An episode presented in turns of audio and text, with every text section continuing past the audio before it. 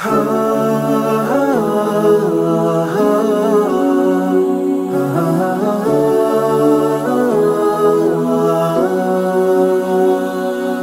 alaikum och hjärtligt välkommen till Koranpodden. Jag heter Sally och detta är podcasten som hjälper dig förstå Allahs ord och där vi träffar spännande personer och samtalar med dem om hur Koranens budskap påverkar deras liv.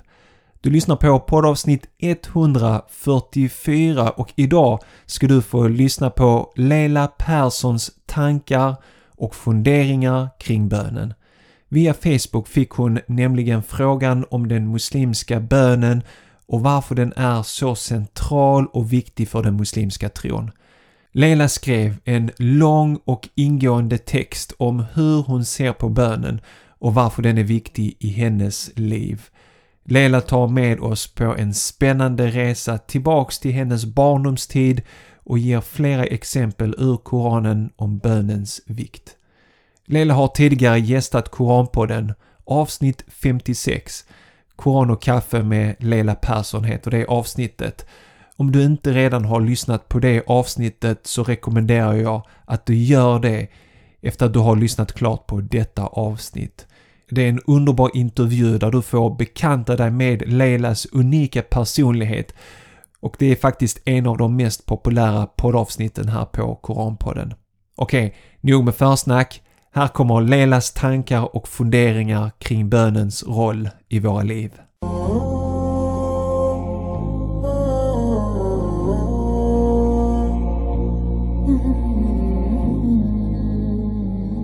Varför ber jag?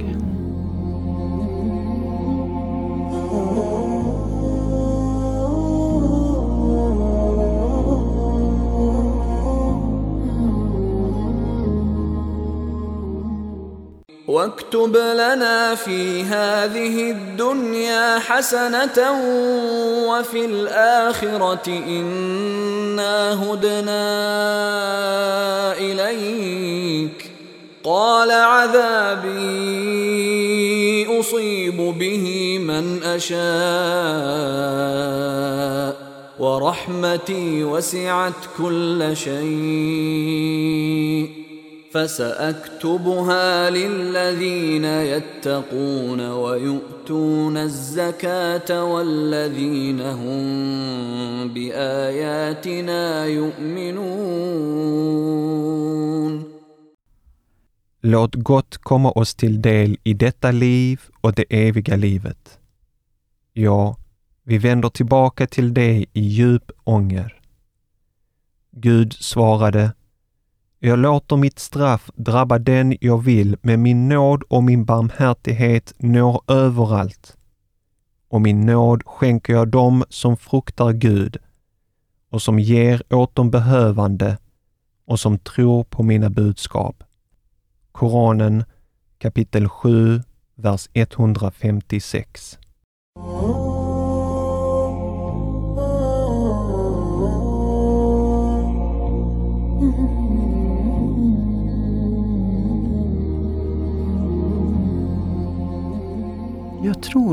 Guds budskap. Därför ber jag. Och känner tillit till alltets skapare. I den skapelsen ingår jag.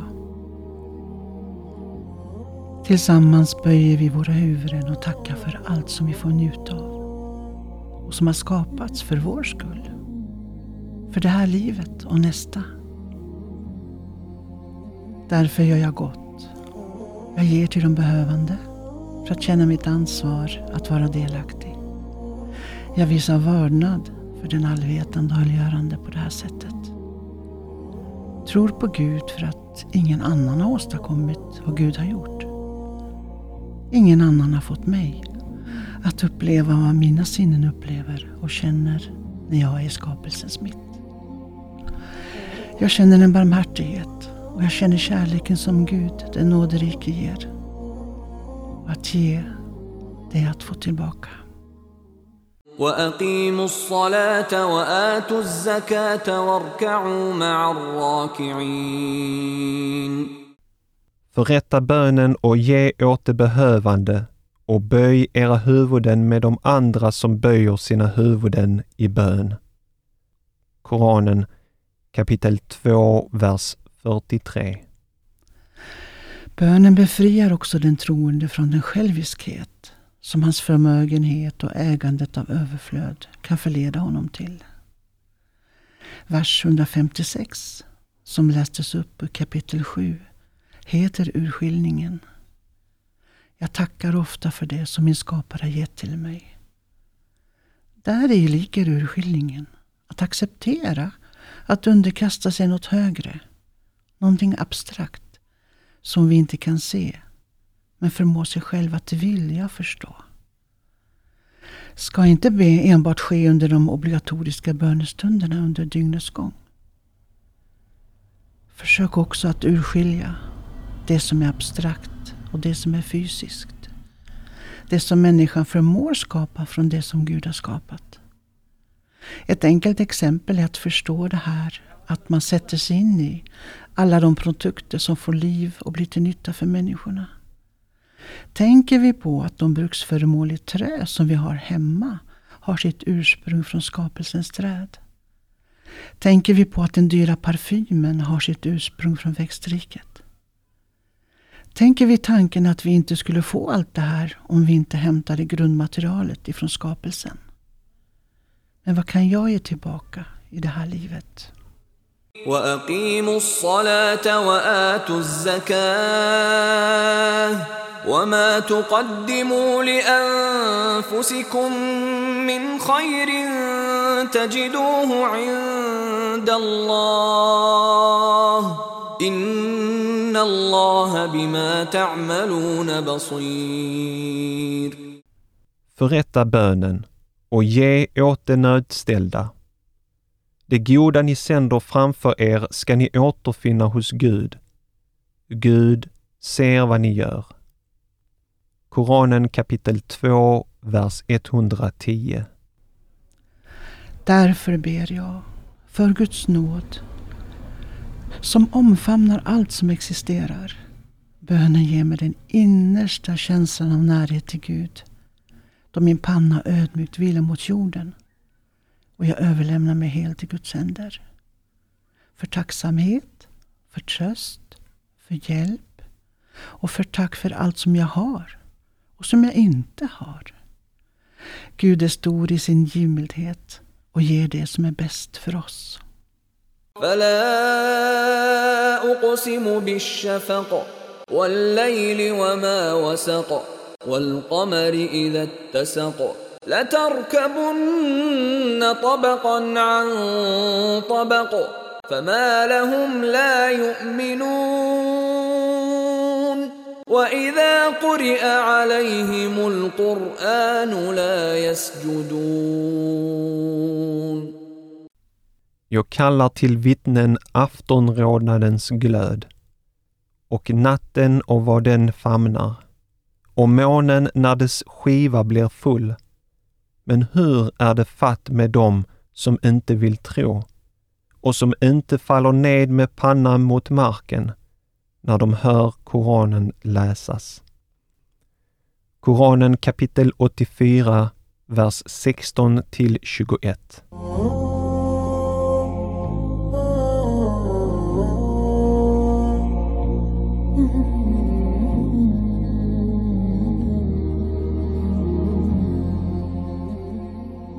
Som troende sedan barnsben och med både otrygga och trygga vuxna bredvid omkring mig kom flyttdagen då jag också skulle ta ansvar för mitt eget leverne. Vare sig jag kände mig otrygg eller trygg så kom den dagen. Att bygga relationer i nya sociala sammanhang som jag hamnade i gav känslor av osäkerhet. Jag var väldigt försiktig med vilka nya relationer jag valde. Grundtryggheten från min uppväxt gav mig styrka. Att jag kunde hantera otryggheten. Naturligtvis, jag bad. Jag flyttade hemifrån när jag var 17 år. Inackorderad i ett litet rum i en familj där pappan jobbade som polis. Bara den vetskapen ingav respekt då den tidens attityd till poliser för 50 år sedan, det var att hålla avstånd och se till att sköta sig. Där fanns en mamma som inte såg mig som någon viktig person alls att ha i huset. Och det gjorde inte deras två barn heller. En bjäbbande pudel ingav otrygghet och rädsla för att jag vågade inte lämna mitt rum. Jag hörde aldrig någon be pudeln att gå från min dörr. Idag kan det tyckas vara för små inslag i vardagen för att åstadkomma otrygghet. Men där din välkända miljö byter koder och förhållandena blir oförutsägbara, då blev det till nya rädslor. Sätt det här i förhållande till dagens ungdomar som möter mångfald. Sociala nationella möten på olika språk får intryck från hela världen via alla media. Så med min bakgrund av lite erfarenhet av omvärlden blev det här stora förändringar. Då fanns inga telefoner att ringa från. I längtan efter att få höra sina föräldrars röst och tröst så tog man närmsta vägen till en telefon. Och det var ju då att gå ut och leta upp en telefonkiosk.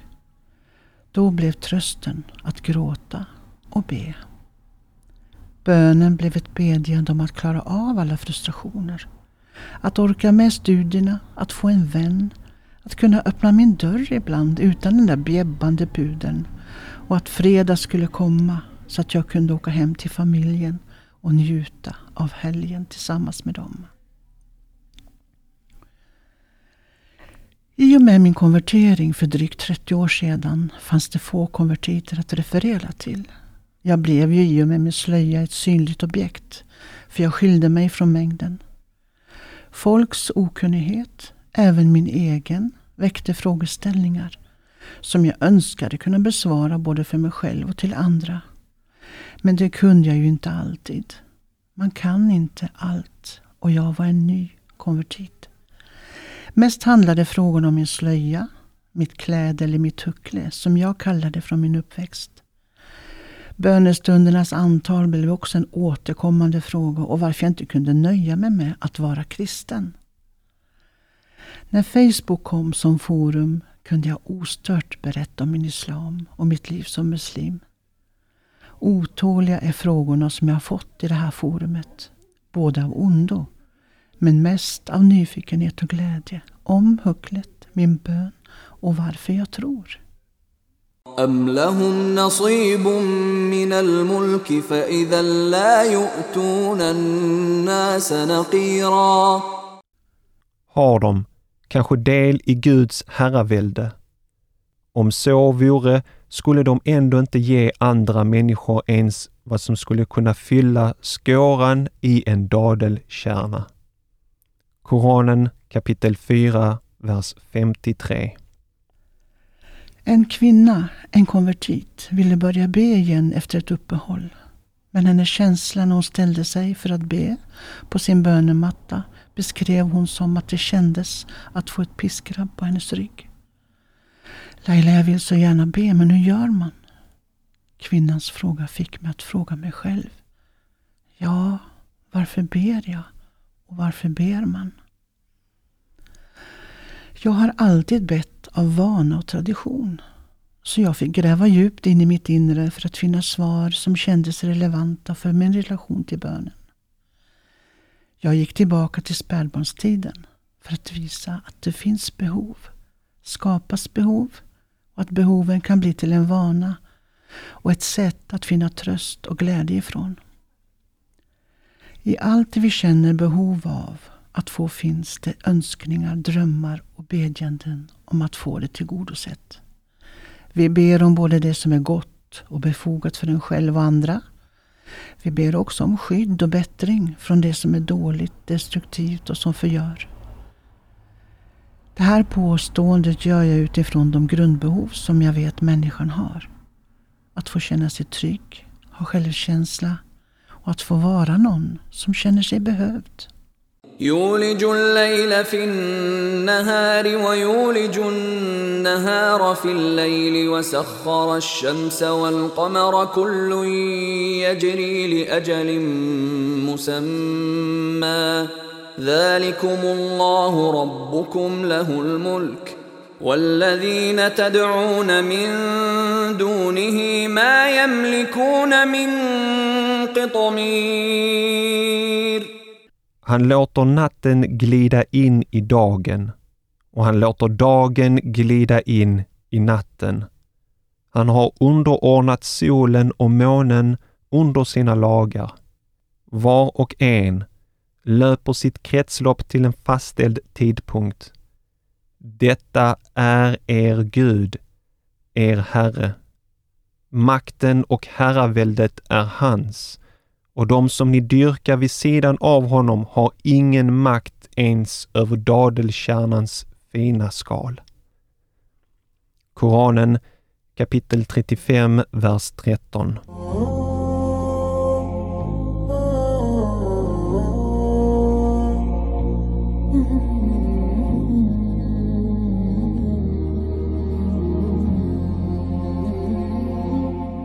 Ja, var och en löper sitt eget kretslopp. Hitta sina rutiner och vanor för att säkerställa sitt mående. Vanligt är att be om hjälp om det man önskar och vill ha hos folk som finns i ens närhet. Eller köpa sig till förnöjsamhet som är av mer fysisk konsumtion. Vi byter ut, köper nytt, kastar och förnyar sig. Bara som ett bevis på att man styr ju sitt eget liv och blir accepterad utifrån samhällsnormerna som råder. Att böna och be för sitt välmående och visa sin tacksamhet till Gud är det däremot inte en vana som finns bland oss människor. I mina samtal med andra om bönens syfte så är det inte det innehållet som oftast är det syfte. Spädbarnet vet vilka uttryck som resulterar i att få mer mat, att få bli upptagen i famnen, att få tröst och slippa vara ensam, att få sitta istället för att ligga. Ja, alla signaler från bebisen om jag behöver för att få sina behov uppfyllda. Utåtagerande barn måste överanvända sina signaler för att den vuxne ska reagera och få sina behov förstådda. Med stigande ålder så blir önskningarna och bedjandet om att få sina behov tillgodosedda mycket mer sofistikerade, väl utvalda, ofta med syftet för sin egen vinnings skull. Vissa måste dölja sin otillfredsställda känsla med att ta till lögner, droger, falska ord och uttryck. De sviker sig själva, får ångest, lever med inre oro och blir deprimerad. Och med sådana känslor med sig så blir ju livet omkring en till en komplicerad tillvaro att orka med. Avståndet till inre reflektion och motivation till att hitta sin harmoniska balans blir helt dold i ridåer av självkamouflerade ursäkter. Som liten var jag oerhört känslig för vuxenvärldens negativa ageranden. Jag genomskådade människors onaturliga beteenden som jag i mognare ålder kan minnas tillbaka på. Med den erfarenhet av möte med människor som tidens gång har gett mig har jag kunnat förstå beteenden som inte varit bra för dem. I den by som jag växte upp i blev tillhörigheten till kyrkan det var som en värdemätare på hur man skulle bete sig. Och fann du dig inte till rätta i den, det statiska kodsystem som normaliserar dig in i ett påtvingat liv av religiositet så blev man en utstickare. Hade du då ingen tillhörighet i någon av de här grupperna, då blev du behandlad som ett original. Då blev det svårt att få sig själv att kunna ingå i sociala sammanhang. Och jag såg med ett barns ögon på till exempel tvillingpojken som alltid slogs var han än for fram. Och i kombination med alkohol blev han en enstöring som ingen ville ha att göra med. Och jag såg pojken i skolan som ständigt kissade på sig och blev utstött och ensam. Jag såg kvinnan på bystugedansernas fester som alltid kom full och hon flörtade med männen till kvinnornas förtret. Eller den stumma, hörselskadade gamla farbrorn som inte hade någon enda utom sina hästar som han pratade med. Då kan man tänka så här att de som hade använt sitt förstånd och sin religiositet på ett mänskligt sätt hade kunnat få de här människorna att kanske vända sin otrygghet till en annan känsla byggd på samhörighet, andlighet, tillit och hopp om att livet kunde bli bättre. En social grupptillhörighet är viktig för en persons psykiska hälsa och även för känslan att man har en mening med livet. Att nå in till sitt eget hjärtats hjärta, det kräver tålamod, övning, motivation, inre monolog och stort mått utav förnuft. أتل ما أوحي إليك من الكتاب وأقم الصلاة. إن الصلاة تنهى عن الفحشاء والمنكر ولذكر الله أكبر والله يعلم ما تصنعون. Vad som uppenbarats för dig av denna skrift och förrätta bönen. Bönen avhåller den bedjande från skamlösa handlingar och allt som strider mot rimlighet och förnuft. Men först och störst är åkallandet av Guds namn. Och Gud vet vad ni gör. Koranen kapitel 29, vers 45. Mina äventyr som liten utanför trygghetszonen i byn, det var att våga hoppa. Hoppa över den vintervårpålande bäcken, där snösmältningen och lösa isbitar, det fick det att kännas i mina sinnen som om Bors bäcken bara forsade fram. Eller att få gå ärenden till någon. Och då fick jag avvika från gårdsplanens småvägar. Ut på den stora landsvägen Oj, det fick hjärtat att slå extra. Då kunde jag prata högt för mig själv och be om hjälp från Gud och mina skyddsänglar. Snälla änglar, skydda mig och be Gud om hjälp. Amen.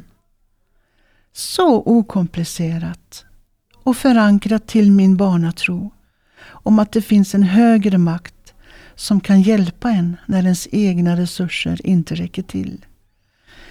Kvällsbönen bekräftar den här åsikten. Då knäppte jag mina händer och sa Tryggare kan ingen vara än Guds lilla, lilla barnaskara. Vart jag mig i världen vänder står min lycka i Guds händer. Lyckan kommer och lyckan går. Lycklig den som Guds kärleks får. Amen.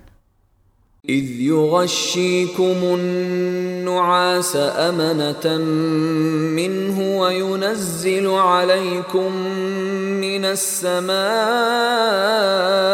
ماء ليطهركم به ويذهب عنكم رجز الشيطان وليربط على قلوبكم ۖ وليربط على قلوبكم ويثبت به الأقدام Minns hur han ingav ett stort lugn och en känsla av trygghet och lät ett regn falla från himlen för att rena er och lossa djävulens smutsiga grepp om era sinnen, stärka ert mod och göra er stadiga på foten. Koranen kapitel 8, vers 11.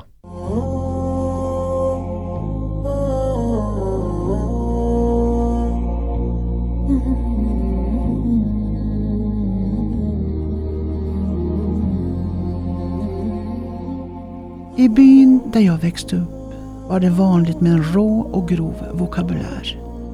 Meningar som ja, tacka fan för det. Eller ja, gudskelov för det hördes ofta. Det här språkbruket förargade farmor. Hon sa att man inte skulle åkalla Satan utan istället be om lov och hjälp hos Gud. Farmors tydlighet och vägledning till tron på Gud gjorde att bönen blev till en vardagssjälvklarhet och en dialog mellan Gud och oss. Före maten skulle man säga Gud välsigna maten, amen. Efter maten skulle man säga Tack gode Gud för maten, amen.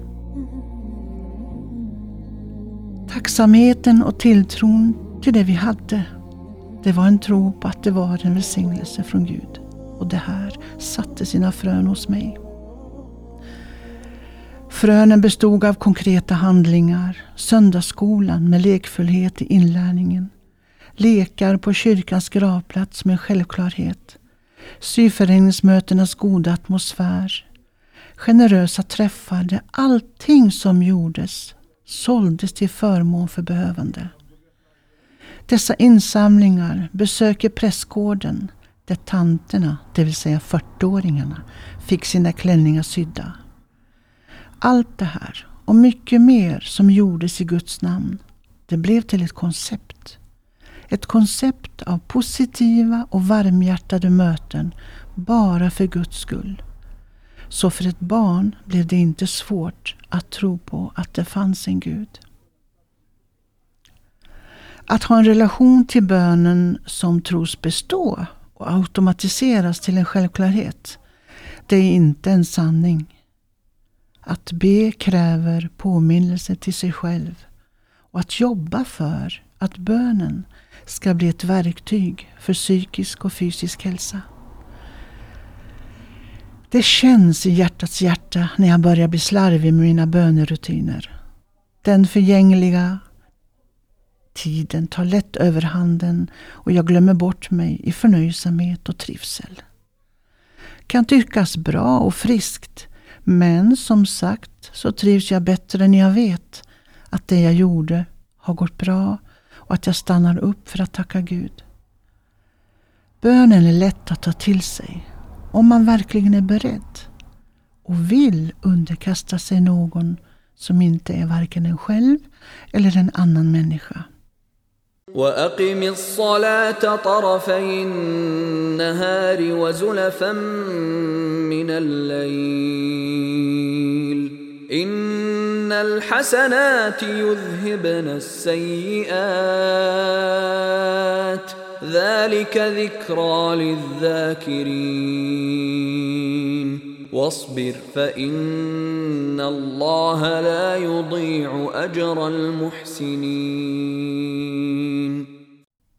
och förrätta bönen vid dagens början och dess slut och under nattens första timmar. De goda handlingarna driver bort de dåliga. Detta är en påminnelse för dem som vill minnas Gud. Och ha tålamod. Gud låter inte dem som gör det goda och det rätta att gå miste om sin lön. Koranen kapitel 11, verserna 114 till 115. Tron på någon som skapat och skapar förutom en själv och andra, det ligger i ens egen övertygelse. Att lägga sin tillit till något allsmäktigt, det är att lägga sin trygghet i det öde som Gud har skrivit in i vår själ då vi skapades från en droppe säd till att bli ett stycke kött som det blåstes liv i för att bli till en människa. Vilken hisnande tanke! Så storslaget och så svårt att förstå. Vi tackar folk till höger och vänster för vad de ger och gör för oss. Tacka också Gud. Två ord. Tack Gud. Två tunga ord som ger lätthet till sinnet. Gud begär inte mer av oss än vi orkar med. Gud behöver inte mig, men jag behöver Gud. Där är samvetet en tydlig värdemätare på ens mående. När en oro börjar gnaga inom mig, trots att jag är frisk, ja då är det dags att rannsaka sig själv och se med vilket uppsåt man har haft i sina handlingar. Bönen rensar och hjälper dig att hitta tillbaka till hjärtats hjärta igen. ذرهم ياكلوا ويتمتعوا ويلههم الامل فسوف يعلمون Låt dem frossa och njuta fröjderna i detta liv och låt deras samveten sövas av hoppet att räkenskapens stund aldrig kommer. Tids nog ska de få veta sanningen. Koranen kapitel 15, vers 3. Varje dag renar vi oss. Vi städar upp och sätter var sak på sin plats för att hemmet ska fungera och vi inte ska förvirras av att inte veta vad vi har och vem vi är. Vi dammar av livsprylar och vill förhöja vår fysiska miljö för att känna en högre livsstatus. Vi går till olika salonger för skönhet och få yttre glans. Vi ger bilen skötsel för att den ska fungera, lysa och glänsa. Men det inre då? Själens och hjärtats rum? Hur sköter vi dem? Den psykiska miljöns innersta forum som är kroppens motor. Om det förgängliga tillåts ta övertaget, då försvagas vi som individer. Vi försummar vårt eget växande för ytligheter och korta begär. Min farmor gav många goda råd som finns med mig i livet. Hon sa på sin underbara älvdalska dialekt. Lail, Kåg nu när du lämnar efter dig och du går att det. Laila, vänd dig om nu innan du går vidare och se efter vad du lämnar efter dig. En starkt återkommande lärdom. En starkt återkommande lärdom även för en troende. Att erinra sig om vad man gör i sina handlingar och i vilket syfte man handlade. Nu är det inte farmors röst som jag hör, utan min egen, av kunskap och lärdom inpräntad. Ingen annans röst finns mellan mig och Gud. شهد الله أنه لا إله إلا هو والملائكة وأولو العلم قائما بالقسط. لا إله إلا هو العزيز الحكيم. Gud själv vittnar. Och så gör änglarna och de som har kunskap. Att det inte finns en annan Gud än han, upprätthållaren av rättvisa och jämvikt. Ingen annan Gud finns än han, den allsmäktige, den vise. Koranen kapitel 3, vers 18. Gud gav, Gud ser och Gud hör och fortsätter att ge. Det som skiljer troende från troende, troende från icke-troende, det är bönen.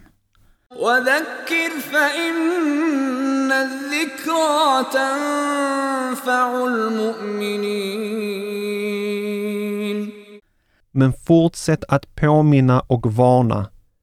Påminnelsen är till nytta för dem som tror. Koranen kapitel 51, vers 55. Därför ber jag. Fortsätter. Ja, ömsom trevar jag mig fram, ömsom snubblar jag ibland, ömsom går jag vilse. Men jag letar mig alltid fram till de stigar som är vägledare för mig. Jag påminner mig, därför att påminnelsen är till nytta för mig och tron. Tron på Gud, Allah subhanahu wa ta'ala. Må Gud få vara med dig. Amin.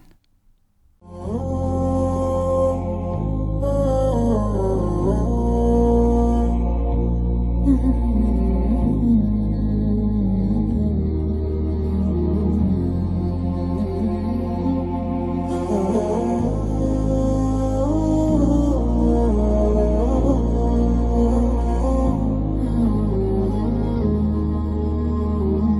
Tack för att du lyssnade på Leilas funderingar och tankar kring bönen.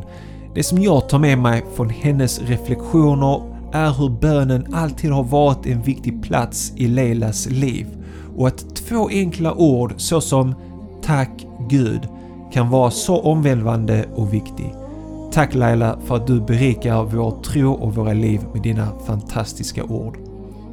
Nästa vecka är jag tillbaks inshallah med ännu ett nytt poddavsnitt. Det blir en kort påminnelse av mig där jag reflekterar över en åkallan, eller dua som det heter på arabiska, av profeten Muhammed. Över honom var Guds frid och välsignelser. Här är ett kort utdrag från påminnelsen. profeten Muhammed sallam, han sa den här, han ställde den här exakt samma fråga som jag ställer till dig nu Nelly, ställde han till sina följeslagare. Han sa Vem är pank? Och följeslagarna svarade som du Nelly. Det är den som inte har några pengar. Och profeten Muhammed sallam, han sa Den som är pank, det är den som kommer på domedagen Missa som sagt inte nästa veckas poddavsnitt då jag talar om en åkallan, en dua, som personligen för mig är viktig och ger mig inre kraft och motivation att fortsätta kämpa och förändra mitt liv till det bättre. Om du är intresserad av att fördjupa ytterligare dina kunskaper om den muslimska bönen som Leila precis pratade om så rekommenderar jag min digitala distanskurs Den gudomliga kommunikationen som du enkelt kan ladda ner till din dator. Kursens mål är att ge dig de rätta verktygen och kunskaperna för att förstå och uppskatta bönens viktiga roll i den troendes liv. Med denna kurs vill jag ge dig nytt liv till din bön och lära dig hur man bland annat ökar koncentrationen och ödmjukheten i bönen. Denna kurs kommer också lära dig alla de viktiga böner som finns vid sidan om de fem obligatoriska bönerna. För mer information om hur du laddar ner kursen Den gudomliga kommunikationen besök koranpodden.se 144. Följ oss på Facebook och Instagram om du ännu inte redan gör det för inspirerande och upplyftande korancitat under hela veckan och vill du komma i kontakt med mig så gör du det lättast genom att mejla mig på hej koranpodden.se Då återstår det bara för mig att önska dig en härlig vecka. Tack för att just du lyssnar på Koranpodden. Vi hörs igen nästa vecka på måndag inshallah. Ta hand om dig tills dess. Salamu alaikum wa rahmatullahi wa barakatuh.